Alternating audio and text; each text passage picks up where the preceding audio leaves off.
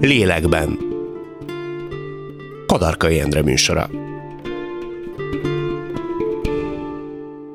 Köszöntöm Önöket újra itt a lélekben. Minden héten egy-egy pszichológiai jelenséget vagy betegséget járunk körül. Célunk, hogy az alapoktól közérthetően a látszólag evidens fogalmakat is tisztázva mutassuk be azokat. A műsor első felében mindig egy a témában jártas szakember, tehát egy pszichológus vagy pszichiáter segítségével igyekszünk megismerni egy-egy jelenség lélektani hátterét és következményeit. A második részben pedig egy az adott témában érintett ismert vagy civil vendég mesél a saját megéléseiről, tapasztalatairól. Ma az evészavarok lélektani hátterét és okait igyekszünk megérteni dr. Lukács Liza krízis tanácsadó szakpszichológus segítségével. Egy pszichés táplálkozási zavar mögött mindig pszichológiai testképzavar van? Egy pszichés táplálkozási zavar mögött igen, pszichológiai okok vannak, hogy testképzavar van-e, az nem mindig igaz. Tehát azért ezek külön válhatnak egymástól. Az anorexiásoknak van testképzavara elsősorban. A bulimiásoknak nem feltétlenül. Uh-huh. Átmegyünk majd mindegyiken végig, szépen sorba, de tisztázunk a testképzavar fogalmát. Tehát mikor beszélhetünk valaki esetén testképzavarról? Amikor nem ugyanazt látja a tükörben, amit érez. A testkép az egy nagyon komplex fogalom, már egészen pici korunktól kezdve alakul. Az első testi tapasztalások alakítják ki, hogy kapunk-e, tudunk-e szerezni visszajelzéseket a testünkről, hogy az hogyan működik, hogy hogy néz ki, hogy mire való, hogy milyen élmények származnak belőle. És aztán lesz egy olyan része, amit gondolunk a testünkről, lesz egy olyan része, amit megtapasztalunk, amit ismerünk, de lesz egy olyan része is, amit érzünk vele kapcsolatban. A testképzavar az azért nagyon fontos része egy evészavarnak, mert ez teszi a külvilág számára érthetetlenné, irreálissá ezt az egész problémát. Gondolom a különbözőség és az ellentmondás. Tehát látunk egy szép formás lányt, akit tulajdonképpen mi úgy gondoljuk, hogy tökéletes arányokkal áldott meg az ég, ők teljesen mást lát. Vagy éppen nem egy szép formás lányt, hanem egy csontig lesoványodott lányt látunk, aki közben sír a tükör előtt, hogy de még mindig nagyon nagy. A hasam, a fenekem, a combom. És ez azért nagyon érdekes, mert ő maga is, amikor megméri magát, mondjuk a mérlegen, és lát egy olyan számot, mondjuk 37, és ő egy 165 centis lány, ő tudja, hogy az kevés. De amit érez, az mégis az, hogy sok, nagy, hájas. Ez nem kivetülés annak, hogy ő végső soron elégedetlen saját magával, és nem szereti saját magát? Az, hogy ez a súly tekintetében nyilvánul meg és kap kibontakozást, az már csak a, a tünete mindennek. Ez az önelfogadás hiányának is a jele, de annak is, hogy nem ismeri a saját igényeit, az önképét, nem ismeri a saját igényeit, szükségleteit. Ez a torsz kép, ez nagyon sok összetevőből alakul ki, akár a környezet visszajelzéseiből is. De az egésznek a fókuszában az áll, hogy nincsenek valódi önmegtapasztalásai Gondolom ez a gyerekkor hiányából fakad, vagy gyerekkori hiányokból fakad? Mindenképpen a gyermekkorból indul mindenféle képzavar, mivel a környezet visszacsatolásai, a lehetőségek, hogy mennyire engedik megtapasztalni önmagát, hogy a test az, az csak egy külső, egy, egy, egy, egy sziluett, vagy pedig, hogy annak van belső tartalma, és mondjuk bizonyos érzetek származnak belőle.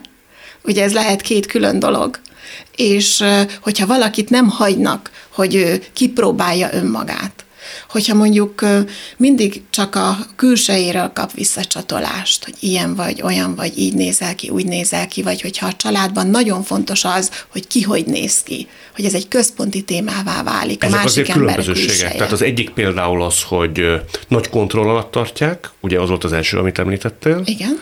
A másik az az, hogy ezt abszolutizálják, ennek a jelentőségét. Tehát mondjuk Piperkőc a papa, iszonyatosan divat, irányába érzékeny az anyuka, nem látja őt soha, picit sem slendriánul, ez mind-mind előidézheti? Ezek mind, és talán ennek ez a legfontosabb része, hogy az evészavaroknál és a hozzá kapcsolódó testképzavaroknál mindig nagyon sok összetevős háttérrel kell számolnunk. Tehát soha nem egy-egy ok, egy-egy kiváltó tényező, egy-egy hajlamosító tényező, hanem vannak egyéni okok, családi okok, szociokulturális okok, és még ezen belül is vannak hajlamosító, kiváltó, fenntartó tényezők. Ezekről is fogunk még beszélni, tehát hogy több egyidejű jelen valóságnak kell mindezt kiváltania. Még az sem biztos, hogy egyidejűleg vannak ezek jelen. Ezeket úgy képzeld el, hogy ezek szépen rakódnak évek során, sőt évtizedek során, mindig érkezik egy-egy pici elem az összképhez. És amikor már azt látjuk, hogy lesoványodott a lány, vagy hogy ott áll a tükörben és 37 kilósan sír, az már egy pont, amikor már észrevesszük, de az, hogy előtte mióta akár tíz évvel ezelőtt kezdődhetett el valami, és ahhoz mindig érkezett egy apróságnak tűnő, vagy akkor még fel nem tűnő dolog, és egyszer csak összeáll egy képé, na akkor ijed meg általában a család és a környezet. És ilyenkor tipikus reakció, hogy az, ami azelőtt történt, azt gondolják oknak, kiváltóknak, mondjuk egy diéta egy sikeres diéta. Már hogy közvetlen előtte történt, nem így a mély van. múltban. Így van. Amit felszoktak sorolni, most csak így nagy vonalakban hézagosan végigmenve, mint kiváltó tényezők, vagy amelyek mondjuk gyakran elő szoktak fordulni, az például, hogy nem tudja valaki, mondjuk kamaszkorban kontrollálni az életét. Úgy érzi, hogy valami fölött, vagy nagyon sok dolog fölött nincs kontroll. Ezért keres egy olyan területet, csak hogy én a saját nyelvemre is lefordítsam, ami fölött ő úgy érzi, hogy tudja a hatalmat gyakorolni, nevezetesen az evés? És ez egyfajta sikerélménnyel vagy önértéknöveléssel jár számára, hogy legalább ezt én akkor a hatalmam alatt tartom? Igen, de ez nem tinédzserkorban alakul ki, hanem már egészen kora gyermekkortól kezdve, hogy nem csatolják vissza a gyermeknek, hogy mik az ő szükségletei, mik az ő igényei, nem engedik eh, távolodni az életkorának megfelelő mértékben, és itt még ne gondoljunk tinédzserre. Két-három éves gyerek, amikor elkezd távolodni, csak távolabb kerül a szüleitől, egy picit eh, felül a kis biciklire, és el akar menni, és azt mondják, hogy jaj, vigyázz! Tehát, hogy túlféltik egy picit. Akár ez is lehet a, a határképzés nehézségének a hátterében. De ezekben a családokban aki, amelyek, evé, így szokták mondani, hogy evészavaros beteget hordoznak, ott azt figyelték meg, hogy általában a határok nagyon elmosódottak, ami abban is megnyilvánul, hogy, hogy beleszólnak egymás dolgaiba, meg akarják mondani a másiknak, hogy mit tegyen, mit gondoljon, mit érezzem. És ez nem csak a, a gyermek és szülő között jellemző, hanem sokszor a testvérek között is, vagy a szülők között is, vagy a szülők és az ő szüleik között is. A stressz fokozott megjelenése vagy jelenvalósága a családban, az szintén hajlamosító tényező lehet? Tehát, hogy valami folyamatos feszültség, nyomás, szorongás, kibeszéletlenség azért ott munkál a családtagok közt. Javarészt persze ez a szülőkre jellemző. Ez jellemzően így van, mert hogy a konfliktus kezelés nehézsége, illetve a konfliktusok kommunikációjának hiánya az különösen jellemző az evészavaros beteget hordozó családokra. Illetve a maximalizmus, ugye? Tehát azok a szülők, amelyek túl nagy elvárással közelítenek a gyerek irányába, vagy fogalmazzák meg ezt. A kevés dicséret például, gondolom én, az szintén hozzájárulhat? Nem biztos egyébként, hogy kevés a dicséret. Inkább azt mondanám, hogy akarják őt valamilyennek. És ez, hogy milyennek akarják, erről nagyon sokat elmond az, hogy, hogy a szülő hogyan dolgozta fel a saját gyerekkorát. Maradtak-e neki olyan vágyai, hiányai, amiket most a gyerekén keresztül szeretne megélni, vagy éppen azt mondja, hogy meg szeretném neki azt adni, amit én nem kaptam meg. Tehát nagyon sok olyan tényező lehetséges, amikor a szülő bár jót akar, de rosszul sül el. Csak hogy nagyon egyszerűen fejezzük ki magunkat, ha találkozik egy szakember, egy evészavaros gyerekkel, kamasszal, fiatal felnőttel, ott ez egy tünet. Tehát itt nem arról van szó, hogy ő neki valami ö, biológiai problémája van, ha pszichés aspektusból közelítjük meg, ott valami diszfunkció elő kell, hogy álljon családon belül. Ez kijelenthető? Igen, ez kijelenthető. A pacienst úgy kezeljük, úgy hívjuk, hogy index paciens, tehát hogy, hogy ő rajta mutatkoznak meg a tünetek, de a háttérben a családi diszfunkcionalitás áll. Na menjünk akkor végig ezeken az evészavarokon, így külön-külön, és arra is kíváncsi lennék, hogy egy-egy betegség mögött általában, ha lehet ilyen kategóriát felállítani, milyen diszfunkció húzódhat meg. Tehát, hogy mi lehet a kiváltó oka. Kezdjük az anorexiával, amely az én nyelvemre lefordítva körülbelül azt jelenti, amiről már beszéltünk, hogy nem ugyanazt látja az illető a tükörben, mint ami a valóság. Hm. Az anorexiának azért a testképzavaron kívül van még más kettő fontos tényezője. Az egyik az, hogy kórosan sovány az illető, hogyha már 18 év feletti, akkor a testtömegindexet használjuk ennek mércéjeként, és ez 17 vagy 17 és fél alatti. És kell még hozzá az is, hogy mindemellett fél a hízástól. Tehát ha ez így há- a három együtt van, hogy testképzavara van, kórosan alacsony a testsúlya, és fél a hízástól, ez a három kell ahhoz, hogy azt mondjuk, hogy az illető klinikai anorexiás. Az egyik nagyon fontos dolog, de ezt nem csak anorexiánál mondanám, hanem az összes evészavar típusnál, hogy valamiért az evés az kitüntetett jelentőségű a családban. Vagy így, vagy úgy. De valamiért fontos, hangsúlyos. Ugye ez azért lényeges, hogy miért pont ezt a tünetet választja az illető. Mert hogyha megnézzük amúgy az ő hátterét, akkor választhatna más tünetet is, sőt, nagyon sokszor ezek együtt jelennek meg depresszióval, személyiségzavarokkal, más szorongásos zavarokkal. A magas elvárások, a perfekcionizmus, arra viszont mondhatom, hogy az anorexiának a, a legjellemzőbb vonása, ez megkülönbözteti eléggé a többi evészavar típustól. A magas elvárások, a megfelelés a szülőknek, a ez az összemosottság, ez, ez határok nagyon es. jellemző, uh-huh. igen, a, a határok elmosódottsága. Aztán az is, hogy a szülők között általában az anya, ő nagyon domináns, domináns, erős akaratú, ellenben ott van egy erős önfeláldozás is. Az anya részéről? Az anya részéről. Igen. Ha látjuk kívülről az ő önfeláldozását, akkor lehet, hogy ezt már azelőtt feladjuk, hogy megpróbáltuk volna. Tehát, hogy valójában az anorexiás ember az nem csak, hogy nem mutatja ki, nem érvényesíti az igényeit, de lehet, hogy már önmagában lenyomja. Egy darabig persze. A saját igényeit. A saját igényeit és szükségleteit, és ezek főleg érzelmi szükségletekre vonatkoznak. Azt mondtad az előbb, hogy az anya mint erős bástya ott van. Ő tulajdonképpen már mint az érintett.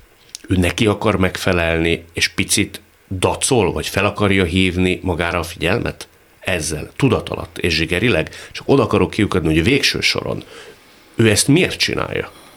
Figyelemre vágyik, az anyuka elismerésére válik, vágyik, valami láthatatlan mintát követ, szóval, hogy mi ennek az eredője?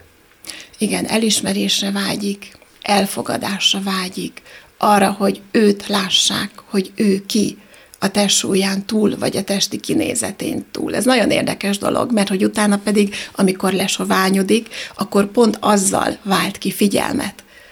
Nagyon érdekes, hogy olyan kor már kap figyelmet, olyan kor kap figyelmet, sokszor valódi neki szóló figyelmet a családtól is. És ez hozzájárul ahhoz, hogy egy zavar krónikussá váljon, amikor észreveszi azt, hogy jé, ezzel, hogy sovány vagyok, már is elkezdtek irántam érdeklődni. És ez rögzül benne, tudat alatt? Tehát ez valamilyen szintű programozottság lesz? Ez egy, ez egy jutalmazó értékű dolog. Mert figyelnek rám. Figyelnek rád, és végre azt nézik, hogy te ki vagy. Addig meg azt nézték, hogy mi a teljesítményed. Térjünk rá a bulimiára ami, ha nagyon egyszerűen akarom kifejezni magam, nagy-nagy kalóriabevitellel jár, és utána önhányatással, ugye? Tehát tulajdonképpen ilyen büntetés, jutalmazás a lényege? Önhánytatással nem mindig jár, tehát ez nagyon fontos, ez egy gyakori tévhit szokott lenni. A első legfontosabb lépés az, hogy falásrohamai vannak az illetőnek. A kritérium szerint legalább heti egyszer, és legalább három hónapon keresztül előfordul de persze van olyan, hogy naponta tízszer történik ez meg, a falásroham. Vannak szubjektív falásrohamok, és vannak objektívek. A szubjektív az, amit ő, ő, az ő saját elképzelése szerint valamivel többet evett. Lehet, hogy csak egyetlen egy szelet süteménnyel, de az ő fejében az van, hogy az már sok, és azt ő már élheti meg szubjektív falásként. És vannak az objektív falásrohamok, hát ennek is van egy meghatározása, hogy amit egy ugyanolyan nemű, korú ember egy étkezésre elfogyasztana, az attól több-e. És akkor a határa csillagos ég gyakorlatilag, ez lehet egy étkezésre 5000 kalória elfogyasztása is. És a falásroham az lehet tervezett, lehet egy kontrollvesztett állapot. És utána ettől valamilyen módon ő meg akar szabadulni. És valóban a leggyakori formája ez az önhánytatás, de a hashajtó használat, a vízhajtó használat, a utána napokig tartó koplalás, a nagyon intenzív tet- testedzés, tehát minden, ami kalória égető, vagy ami, ami semmisé tud, tudja tenni a bevitt kalóriákat, az, mint kompenzációs viselkedés előjöhet, és az attól ugyanúgy lehet bulimia. Van még egy túlevéses zavar, ez szerintem kicsit hasonló az előbbihez, nem tudom, beszéljünk róla egy picit? Igen, a falászavar mm, az abban különbözik leginkább, hogy, hogy bár túlevések vannak, de nincsen lényegi kompenzációja. Az ortorexia az egészséges ételfüggőségnek szokták nevezni magyarul, és egyébként még nem tudják, hogy hova sorolják, tehát azt még nem sorolták hivatalosan az evészavarok közé, lehet, hogy végül a szorongásos zavarok közé fog kerülni. Nagyon sokan az anorexiából a gyógyulás azt gondolják, hogy a kivezető út az az, hogy majd talál egy olyan étrendet vagy életmódot, amikor majd nem kell félnie attól, hogy elhízik. És lehet, hogy ez viszi az ortorexia irányába, hogy elkezdi kiválogatni az ételeket bizonyos aspektus alapján, és úgy gondolja, hogy vannak úgynevezett biztonságos ételek, amik majd megadják neki azt a biztonságot, hogy neki nem kell félnie csak akkor ugye érezzük, hogy még mindig egy zsákutcában van, mert hogy ne, a biztonságot, azt a valódi biztonságérzetet, azt nem egy ételtől kéne megkapni, hanem mondjuk akkor visszamehetünk a kiinduló pontra a családból. Anélkül ez a betegség vagy diszfunkció nem szüntethető meg, hogyha nem néz szembe ez az illető a gyerekkori pakjával, elakadásával, szorongásának eredőjével, ugye? Azt hiszem ez egy kikerülhetetlen rész, ez nagyon fontos. Mm, bár ne tekintsünk rá úgy, hogy hogy ez egy kín, ennek örülhetünk is akár nem, hogy, hogy végig tudunk nézni az életünkön ennek keresztül, ezen keresztül. Meg tudjuk találni a hajlamosító, kiváltó okokat, ez egy ilyen típusú zavar. Náluk ez egy folyamatábraként leírható, amikor a végén ők szembesülnek azzal, hogy végső soron ennek, ha nem is egy, de több konkrét oka van a gyerekkorában? Vagy ők azért végső soron mindig sejtik azt, hogy ott valami nem stimmelt, csak nem tudják, hogy ez a kettő kéz a kézben jár. Tudom, most ez általános a kérdés, de azért a tapasztalatod alapján biztos vagyok benne, hogy van rá érvényes válaszod. Igen, nagyon, nagyon nehéz ezt nekik megfogalmazni. Én azt gondolom, hogy igen, tudják, igen, sejtik, lehet, hogy nincs, lehet, hogy nincs szókészletük se rá.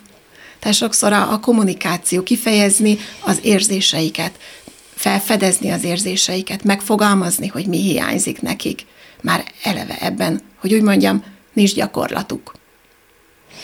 Gyakran előkerül például a szexuális abúzus, vagy annak kísérlete is azt el tudod nekünk érzékletesen magyarázni, hogy egy evészavar és egy fiatalon elkövetett szexuális abúzus, vagy annak kísérlete miképp kapcsolható össze? Körülbelül 50 ában az evészavaros múltban ott van a szexuális abúzus valamilyen formája. Úgyhogy elég gyakori, és hát több ponton összekapcsolható.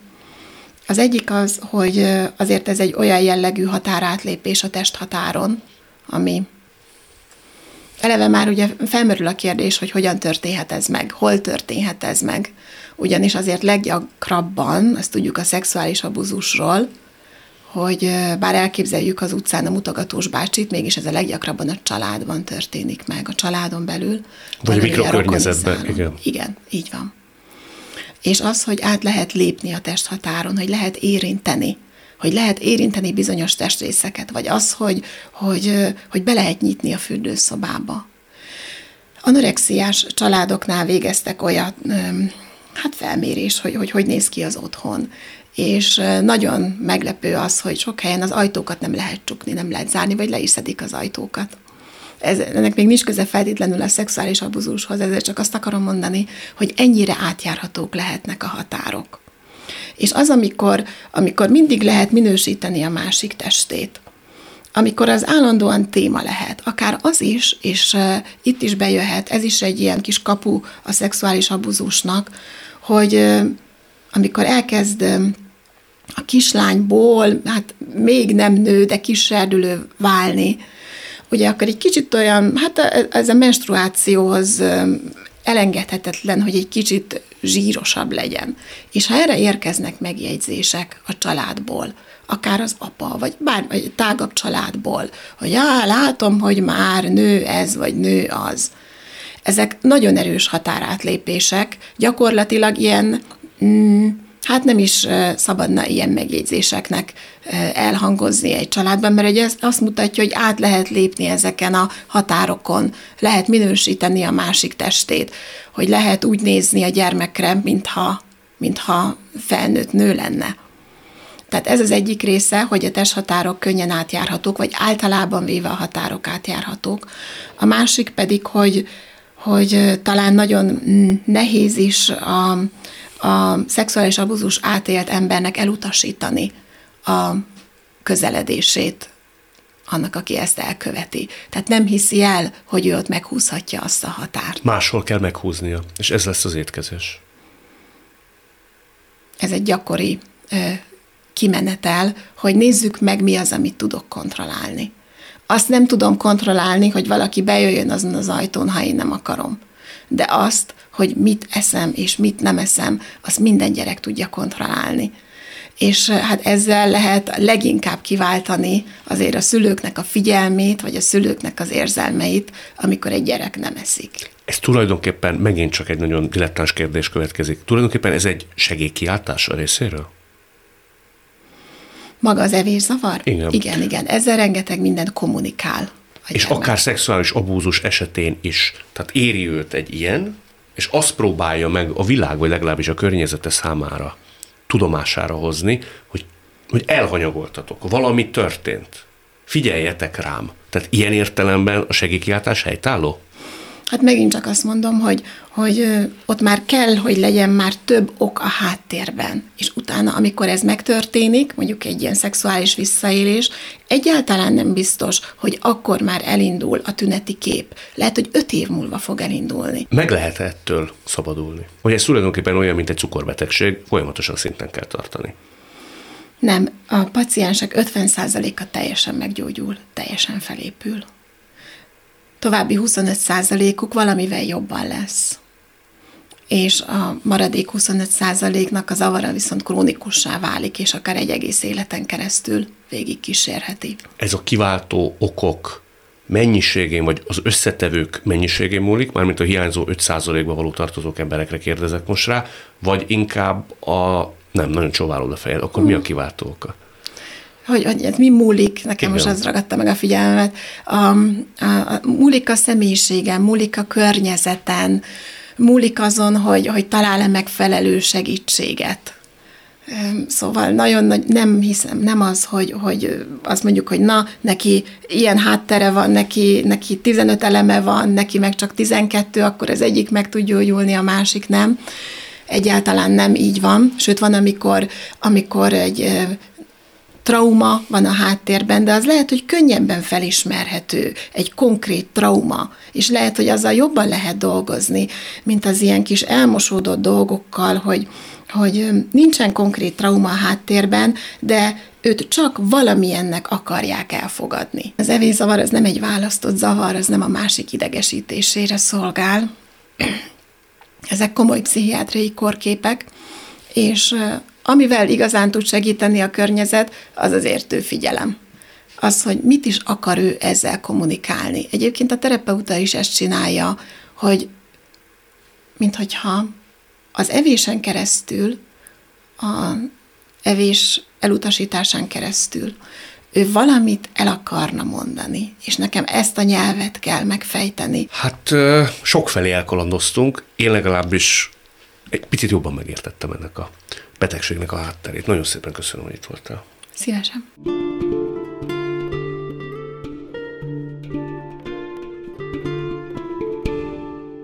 Dr. Lukács Liza után következzék Bállaki D. Stella junior primadíjas újságíró kommunikációs szakember. Kezdetben bulimiával, később anorexiával is küzdött. Mindkettő mély nyomot hagyott benne. Azt mondtad az előinterjú során, hogy teljesen normális, ideálisnak tűnő családból származol. Igen, kívülről nézve azt gondolom, hogy a környezet, szűkebb tágabb környezet is azt gondolta, hogy nálunk minden rendben van. És nem volt? A nagy egészet nézve igen, nem tudok felsorolni olyan családi traumákat, vagy olyan gyerekkori nehézségeket, amiket esetleg mások fel tudnának. Olyan, olyan nehézségekkel küzdöttünk csak, mint valószínűleg mindegyik család, házas pár, szüleim közti konfliktusok, mm, a munka és a magánélet egyensúlyának megtalálásának nehézségeim, mennyi idő jutott a gyerekekre, mennyi odafigyelést kaptam. De a gyerekkoromból tényleg nehéz lenne ezen kívül más nehézségeket előszedni. Ugye hárman voltatok testvérek, te voltál a legkisebb, és két nagyobb bátyád volt. Igen, van egy 14 évvel és egy 9 évvel idősebb bátyám. Ez okozott problémát, gondolom, hogy azért ezek elég nagy korkülönbségek, pláne a 14. Hát ebből az adódott, hogy a, Nyilván más volt a téma a vasárnapi ebédnél az asztalnál, nem olyan témák, amihez egy, egy pici kislány hozzá tudott volna szólni, illetve volt egy családi vállalkozásunk, amiben a két bátyám akkoriban már részt vett, belefolytak, hogyha a családi beszélgetések a vállalkozásra, a munkára terelődtek, már pedig ez nagyon gyakran így történt, akkor ahhoz nem tudtam hozzászólni, sokszor nem osztottak lapot. Tehát ez, ez valóban jelen volt, az anyukám vezető beosztásban dolgozott, mellette gyakorlatilag a háztartás és a család összes ügyét ő intézte. Ő is volt a dominánsabb fél? Ő volt, egyet, egyértelműen ő volt a, a, a domináns fél, vagy hát talán a mai napig az. És hát rá is hárult a felelősség, szóval ez a kemény kezűség, amit talán használhatom ezt a szót az ő esetében, ez valahol egy picit kényszer is volt ránézve, másrészt meg, meg hát nyilván ezt hozta személyiség. Mintaként. Mintaként, igen. A kemény kezűség alatt mit értesz? Nagy volt a szigor? Tehát azért, hogy be kellett tartani sok mindent? Volt szigor, volt egy irány, és volt egy ütem, amit tartani kellett, igen. Kellett? Kellett. Mi volt, ha nem tudtátok tartani, vagy nem tudtad? Beszéljünk az egyszerűség kedvéért rólad. Nyilván gyerekként ez elsősorban tanulmányi eredményekre vonatkozott, hosszú távon olyan elvárások, hogy egyetemet kell elvégezni lehetőleg többet is, jól kell tanulni, így meg úgy kell teljesíteni, és egyébként az én, mi családunkban is konkrétan az én esetemben kifejezetten a, a, az evésre vagy a testképre vonatkozóan is voltak elvárások. Tehát ö, ö, igen gyakran elhangzott, hogy ö, oda kell figyelni arra, hogy mennyit eszünk, hogy eszünk. Az elhízás nem egy jó dolog, a fogyókúra nehéz dolog. Nem biztos, hogy a harmadik rántott húst meg kell már enni az első kettő után, stb. Tehát, hogy kifejezetten a, a testképre is voltak. Anyukától? Igen. Apukád nem szólt ebbe bele? Apukám nem szólt ebbe bele, viszont apukám túlsúlyos. Uh-huh. Így aztán egyfajta mintát azért ő is közvetített. Egyáltalán azok a fizikai gesztusok, amik a szeretet megnyilvánulásai szoktak lenni, vagy amiről azt gondoljuk, hogy azok, azok nem voltak jelen. Az érintés, a simogatás, az ölelés, az a szó, hogy szeretlek, az a családunkban nem jelent meg. Kislányként azért ez nagyon hiányozhatott. Ebbe születtem, ebben nőttem fel, úgyhogy sokáig nem tűnt fel, hogy ez, ez egy hiány. Az iskolában is, illetve már az óvodában is nagyon nehezen találtam a helyem, sokszor nem tudtam be, ide, beilleszkedni. Egyszerűen más voltam, ma már azt gondolom, illetve erről diagnózisom is van, hogy, hogy az autizmus spektrumon én rajta vagyok, tehát korábban úgy neveztük volna, hogy Aspergeres, egyszerűen másként gondolkodtam, más dolgok voltak számomra fontosak. Én boldog voltam a, a könyveimmel, és nem érdekelt, hogy a legmenőbb zseléstól készlet éppen hol vásárolható meg, szóval egyszerűen csak máshogy láttam a világot. Aztán ez úgy teret nyert máshol, mármint az, hogy úgy nem fogadtak mert úgy központi figura lettél. Olvasom, hogy volt rasta hajad, levágattad a hajad kopaszra, de még az orrod is át lövetted ilyen piercinggel? Hát 14 évesen beütött a kamaszkori lázadás, tehát ez abszolút ez a hanyróval a fej, a fejemet felnyírtam, és zöldre festettem a hajamat, és másnaptól úgy jártam iskolába. Egy darabig még a családom is egész jól kezelte ezt a helyzetet. Aztán pár évvel később, 16 éves koromban, mm, hát talán egy ilyen kamaszkori depresszió, depresszív időszak következett, ahol nem nagyon tudtam megfogalmazni, hogy mi a probléma, de borzasztó hangulat ingadozásaim voltak, és, és hát a depresszióra jellemző klasszikus tünetek azok megjelentek a mindennapokban. Ennek köze volt ahhoz, hogy te edzőt váltottál, mert hogy te lovagoltál, és egy szakavatot, vagy egy jeles lovagló edzőhöz igazoltál át? Uh, igen, a lovaglás az, az nekem egy fontos hobbi volt, vagy egy fontos dolog volt az életemben tíz, kb. tíz éves koromtól. Ugye te ott egy bizalmas diák-tanítvány viszonyba kerültél ezzel az edzővel, aki ezzel aztán később megpróbált visszaélni, már mint férfiként közeledett feléd. Akkor te mennyi voltál? 15-6? 15-6, igen. Te ezt mikor vetted észre, hogy ez nem feltétlen arról szól, hogy milyen a sportbéli előmeneteled? Már hogy az ő érdeklődése, figyelme. Nem tudnám megmondani, hogy mennyi ideje jártam oda, amikor ez elkezdődött, de viszonylag hamar egyértelművé vált, hogy a közeledése az, ez nem egy egyző-tanítvány viszony irányába mutat.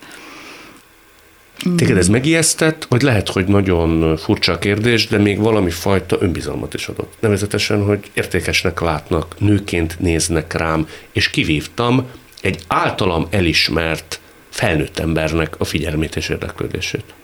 Nyilván pontosan ez történt, tehát egy kislány, akinek ö, ö, nem volt önbizalma, nem volt helyén az önértékelése, nem tudott kiállni magáért, nem voltak saját határai, nagyon könnyen befolyásolható, és ezt valószínűleg jól ráérzett ez az edző, utólag megtudtam, hogy nem én voltam az egyetlen áldozata, valószínűleg előttem, utánam is, mellettem is jó páran voltak még, ügyesen ki lehetett és könnyen ki lehetett használni ezt az önbizalomhiányt. Néhány jó szó, egy kis biztatás, egy kis kedvesség, és, és már is azt érzi az ember, hogy hú, hát van itt valaki, akinek fontos vagyok.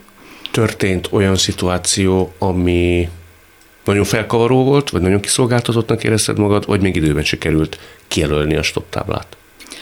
Um, hát ha hivatalosan fogalmaznék, akkor egyértelműen szexuális visszaélés áldozata lettem. Természetesen akkor erről fogalmam se volt.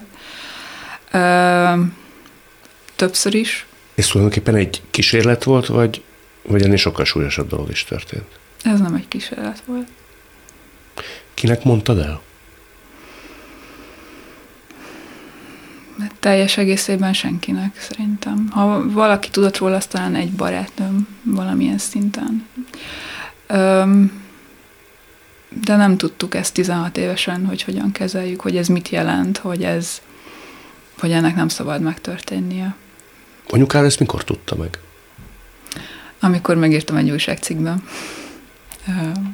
2018 táján, ahogy a MeToo botrány kirobbant, globálisan és aztán Magyarországon is, és akkor kezdtem felismerni, hogy ez mennyire nem volt rendben. Milyen evészavarban voltál érintett, és miképp jelentkezett? Én anorexiás voltam. Hát egy 15 évig körülbelül azt mondanám. És ugye ennek van két altípus, az egyik a restriktív, a másik pedig a bulimiás altípus, aki hánytatja magát. Ez a két altípus váltakozott. Többnyire inkább restriktív voltam, tehát koplaltam, nagyon egyszerűen fogalmazva. meg rengeteget sportoltam, meg mindent megtettem, hogy a kalóriabevitelt csökkentsem. Ö, 17 éves koromban jelentkezett. Gyakorlatilag egyik napról a másikra kezdődött egy fogyókúrával, ami aztán túl jól sikerült. Akkor miért kezdtél, kezdtél el fogyókúrázni? Konkrétan nem tudnám megmondani, hogy éppen azon a napon miért kezdtem el. Egészen pontosan egy önhánytatással indult ez az egész történet. Egy túlevéssel, egy önhánytatással, és azzal a gondolattal, hogy én most lefogyok. Teljesen normális testsúlyom volt, egészséges voltam. Valami olyan kontrollérzetet adott, és egy olyan felszabadultság érzetet, amit korábban nem ismertem. Hisz nem sok mindent tudtál addig te az életed egyik másik területei közül kezedben tartani és azt irányítani, ugye? Eléggé kiszolgáltatott voltam a szülői kontroll miatt is, ami talán az átlagnál egy picit erősebb volt. Kiszolgáltatott voltam az edzőmmel folytatott viszonyban is. Nyilván a tanárdiák viszonyban az iskolában is kiszolgáltatott voltam, szóval hát igen, egy 16-17 éves gyereknek mennyi kontrollja van az élete fölött? Több-kevesebb. Te menet közben racionálisan tudtad azt, hogy ennek semmilyen indokoltsága nincs? Nem. Um, ugye az evészavar, illetve az anorexiának biztosan az az egyik leg jellemzőbb tünete, amikor a mélyen van az ember, hogy nincs betegség tudata. Semmilyen szinten nem hajlandó elismerni azt, hogy amit csinál, az nem normális, az nem oké. Okay. Így aztán el is telt egy év, két év úgy, hogy folyamatosan fogytam, és a környezetem egyre kétségbesettebb volt, és rajtam egyre több kellemetlen fizikai tünet jelentkezett, elájultam, zugott a fülem, nem tudtam koncentrálni, stb. De teljes tagadásban voltam. Senkinek nem hittem volna el, hogy mindez azért van, mert én túl vékony vagyok. Te milyennek láttad magad? Folyamatosan azt érezted, hogy, hogy duci vagy? Nem, egyébként ezt nem éreztem. Egyszerűen csak borzasztó jó volt ez az érzés, hogy a mérleg mindig kevesebbet mutatott. Ez egy sikerélmény volt. Hm. Nem nézegettem a bőröm alatt a zsírt, vagy méregettem a comomat. Ilyen nem történt, egyszerűen csak az történt, hogy mindig kevesebbet mutatott a mérleg, és ez egy, ez egy jó visszajelzés volt. Illetve ugye egy bizonyos ideig azért a környezet is úgy reagál rá, hogy hogy pozitív visszajelzéseket ad. Ó, hát fogytál, fantasztikusan nézel ki. Jaj, hát olyan alapkod van, mint egy top modellnek, mindenki erre vágyik. Ó, biztosan te bármit megehetsz, de jó neked.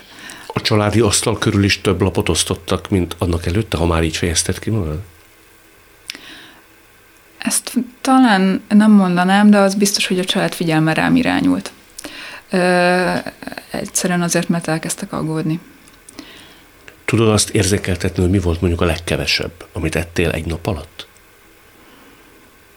Hmm. Egy főtt tojás. Talán. Ezen közben éhes az ember? Vagy olyan szinten képes elnyomni és minimalizálni ezt az érzést, hogy semlegesíti, ha úgy tetszik, hisz a szent cél, hogy én fogyjak, az mindent felülír, és kitölti az én életem és szándékaim. Egy idő után kikapcsol az éjségérzet, legalábbis nálam kikapcsolt, teljesen megszűnt, nagyon, nagyon hosszú évekre. Az ájulás figyelmeztetett arra, hogy most már muszáj valamit ennem. Úgyhogy ez a fajta szenvedés nincs jelen. Ez egy módosult tudatállapot bizonyos értelemben elképesztő mennyiségű időt elpazaroltam az életemből az, azzal, hogy, hogy az ételen gondolkodtam, hogy mit tehetek meg, mikor és mennyit, és, és mikor eltek újra, és hogyan fogom kompenzálni, és hány kiló vagyok, és az mit jelent, és akkor a testem megindexem, az most mennyi, és mennyi lenne, hogyha ez vagy az történne. Ez, ez kitölti egy ember napját, egy evizauros ember napját, vagy agyát, mm, és borzasztóan vágytam az ételre, és nagyon szerettem mindenféle ízt, de nem engedtem meg magamnak. De mivel annyira vágytam rá, azért nem volt olyan nap, hogy egyáltalán semmit ne ettem volna. De ez azzal jár, hogy az ember szereti, nem tudom én, a krémes, de bármit. Én nagy evő vagyok, meg szeretem is a jó falatokat. Folyamatosan azon gondolkodik, hogy hú, de megenném én ezt, de nem tehettem meg. Tehát egy önellentmondásból áll az élete ilyen szempontból? Sonyargatásból és spártai önuralomból? Az én esetemben így volt. Recepteket írtam, és kajafotókat gyűjtöttem, és minden, és közben nem ettem egy falatot se. Tehát még kínosztad is magad ilyen szempontból. igen, igen, igen. Ö, egy idő után lecsökkent a, az önmagam számára engedélyezett ételek köre.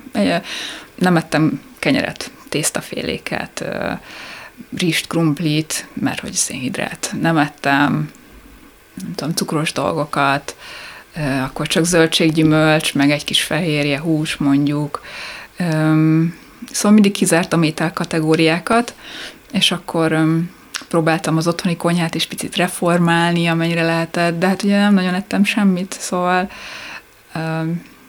és nagy beleszólásom nem volt abban, hogy mit főz, vagy felesleges lett volna abban, hogy mit főz anyukám, úgyse ettem volna meg, az meg úgyis csak újabb konfliktusokhoz vezetett volna. Rengeteg családi konfliktus volt ebből természetesen, hogy mit nem ezt, miért nem eszem, mit nem eszek, miért fogyok, stb. stb. Nyilván olyanok is nézik és hallgatják majd ezt a beszélgetést, akik érintettek a gyermekük által. Szerinted ők hol hibáztak, ha hibáztak ennek kezelésekor? Tehát mit lehetett volna tenni, még hogyha valószínűleg nem is lehet ilyenkor átváltani ezt a programozottságot az érintett fejében, de mit csinálhattak volna szerinted másképp, ha tudják, vagy hallják ezt a beszélgetést? Hát az én esetemben úgymond szerencsém is volt, ugyanis anyukám gyakorlatilag az első pillanatban észrevette, és felismerte, hogy ez egy evészavar. Az első néhány kiló elvesztése után és ragaszkodott hozzá, hogy szakemberhez forduljunk, illetve én terápiába járjak, ez alól nem volt kibúvó, és enélkül sokkal nagyobb tragédiás lehetett volna a vége. Szóval ez biztosan egy nagyon fontos és első lépés. Ez hány éves korodban volt? Mennyivel utána? Hogy volt az első önhánytatás? Hát, hogy ténylegesen szakemberhez eljutottunk, az fél év, egy év. Azért az elég gyors, olyan értelemben, hogy a 15 évig te még ezt utána gyakoroltad. De felidéztél egy történetet, amikor édesanyád észrevette, hogy te hánytatod magad, mert hogy rányított a mosdón, mosdóban, és az engem azért meglep, hogy ti erről soha többé nem beszéltetek. Nem kellett mit beszélni róla. Értem, tehát mindkettő számára, mindkettőtök számára nyilvánvaló volt. Egyértelmű volt. A, tehát ahogy mondom, anyukám azonnal tudta, hogy ez egy előzár. Nekem inkább a felismerés az egy, az egy fotó kapcsán jött, amikor megláttam magam egy fényképen. Valahogy egészen más volt, mint amit a tükörben látok. Ez egyébként a mai napig elő szokott jönni, hogy, hogy amit a tükörben látok, az a testkép, az más, mint amit a fotókon látok. Szóval ez a, ez a fajta különbség, ez megmaradt. Egy valami házi bulin voltunk, kamaszok voltunk, pici top volt rajtam, az egész hátam, hasam, mindenki látszott, és így megláttam, hogy te jó Isten, hogy nézek ki, borzasztóan. Annyira vékony volt? Nagyon. Nagyon, hát 40 pár kiló voltam, 174 centi vagyok. Az összes csontom kilátszott, és, és azt a haj után egy tüsi pár centis hajam volt, igen, ez még az a korszak. Igen, ez még, a, hát ez az érettségi utáni korszak körülbelül, vagy akkor üli. Nagyon-nagyon rosszul néztem ki. Mennyi kilót fogytál te, mondjuk az első önhánytatáshoz képest? Hát olyan kb. 15-öt. Az nagyon sok egy ilyen fiatal lány esetén. Egy fél év alatt, vagy nyolc hónap alatt. Társaid, tanáraid nem mondták, hogy, hogy mi történik itt? A tanáraim nem. A közvetlen barátok, barátnőim úgy azért mondogatták, de ö, nagyon dühös lettem, amikor ezt valaki szóba hozta, hiszen egy tagadásban voltam, ö, veszekedtem, vagy elrohantam, vagy nem is akartam róla hallani, ö, így aztán nem ismerték felhozni egy idő után. Azt olvasom, hogy 16 és 22 év között a menstruációd az eléggé mondjuk úgy, hogy szakaszos volt. Tehát az is kimaradt elég sokáig? Hát inkább mondjuk 17 és 29 éves koromig nem menstruáltam, szinte egyáltalán. 12 évig? Így van. De ez sem okozott benned valami fajta, nem tudom, gyanút, hogy azért ez Tudom, hogy most megpróbálom racionálisan megközelíteni, és amikor benne van az ember, akkor nyilván, vagy benne van az ember, nyilvánvalóan nem ilyen szempontokat mérlegel feltétlen, ami racionális. Hát a betegségemet úgy nem három szakaszra osztanám. Mondjuk két év volt a, a betegség tagadása, az anorexia tagadása. Utána jött egy olyan periódus, ahol a testsúlyom is azért már meg közelébe ért a normál tartománynak, és tisztában voltam gyakorlatilag mindennel. Az okokkal, a, fenntar- a fenntartó tényezőkkel többé-kevésbé, de egy olyan spirálban, vagy egy olyan hullámvasúton ültem, ahol állandóan visszaestem. Ö, voltak jobb időszakok, voltak rosszabb időszakok, fizikálisan, amikor rosszul voltam, akkor többet ettem, amikor jól voltam, akkor megint kevesebbet ettem. Ez a hullámvölgy, mm, ez egy többé-kevésbé fenntartható időszak volt, de nem annyira, annyira jól nem voltam, hogy, hogy a menstruáció visszajöjjön. Végig anorexiás voltam, aminek van egy bulémiás altípusa, tehát hogy az anorexiás az lehet ö, koplaló, vagy ahogy említettem, ez a bulémiás, ez a kettő váltogató, de alapvetően inkább anorexia jelei és tünetei voltak rám végig jellemző. Te és ezen közben neked az öntudatod, vagy az önértékelésed, vagy mondjuk a női önértékelésed, az rendben volt? Nem. A, az evészavar, legalábbis az anorexia azért erősen együtt jár a szexualitás elutasításával. Ugye egy sovány nő, a nőiesség jelei nem igen mutatkoznak, és nem csak a menstruációról van szó, eltűnik az ember mellé, minden látság, minden forma. Nem értem azt két a életet, de hogy valahogy a az emberi viszonyaim egyáltalán nem voltak rendben, és a szexualitás ebbe beletartozott. Az, hogy összeáll a kép, és az ember összerakja a puzzle az nem jelenti azt, hogy, hogy megoldódott minden, és akkor tovább tud lépni. Ez kevés ahhoz. Tehát ezek után még kell egy elhatározás, hogy azt mondja, hogy változtatok az életemen. És az elhatározás többször megszületett bennem, de az erő nem volt meg benne, illetve voltak bizonyos faktorok, amik környezeti faktorok, amik később talán szerencse, vagy hát isteni gondviselés, vagy bemint nevezhetjük, megadatott, de amíg ez nem adatott meg, addig nem tudtam változtatni. Az fenyegetette téged, hogy ez sokkal nagyobb bajjal végződhet. Azt olvasom, hogy az evészavar a pszichiátriai betegségek közül a legveszélyesebb, ha a halálozási arányokat nézik. Hiszen 20 éven belül 20 százalékuk meghal. Ez így van. Volt, hogy közel éreztem magam a halálhoz. Ugye ez a 20% ez nem csak azt jelenti, hogy, hogy egyszerűen ilyen halnak, hanem azt is jelentheti, hogy öngyilkosok lesznek nagyon sokan. Talán két olyan időszak volt az életemben, maximum három, ahol, ahol nagyon komolyan gondolkodtam az öngyilkosságon. Hogy olyan spirálban találtam magam, amiből nem tudtam kimászni, nem csak az evészavar kapcsán, hanem valahogy reményvesztett voltam. Ilyenkor azt hiszem Musszó írja azt valahol, az úgy nagyon megmaradt bennem, hogy az ember jobban fél az élettől, mint a haláltól. Hm. Ez olyan? Úgy kell elképzelni? Um, Az evérzavarnak voltak olyan időszakai, amikor folyamatosan elájultam, ami egy pánikbetegséget váltott ki egy idő után. Már akkor is attól féltem, hogy elájulok és meghalok a metró alatt, amikor egyébként meg pont esetleg jobban voltam. És ez a pánikbetegség, ugye ez egyfajta halálfélelem, vagy, vagy egy ilyen plusz, plusz pánikreakció az egyébként is meglévő rosszul lét mellett. És itt valóban volt egy olyan pont, ahol, ahol azt éreztem, hogy hogy ennél a szorongásnál, ennél a pánikreakciónál a halál is jobb. És ahogy ezt elfogadtam, és, és a halál egy kedvesebb gondolattá vált, úgy le tudtam számolni a pánikbetegséggel. Mi történik akkor, hogyha valaki mondjuk jó ízűen eljött egy randira, ettetek valamit, ha ettél, nem tudom, az óriási bűntudattal járt? eleve próbáltam kerülni az evős randikat, hogyha mégis volt valami kaj, akkor lehetőleg én nem ettem, és ha mégis ettem majd, akkor pedig igen, bűntudatom volt, és próbáltam kompenzálni. Kompenzálás az önhánytatás? Ö, nem, mondjuk másnap reggel azonnal elmentem futni. Volt olyan fiú, aki mondjuk ettől megrettent? Hát szerintem ettől minden fiú megretten.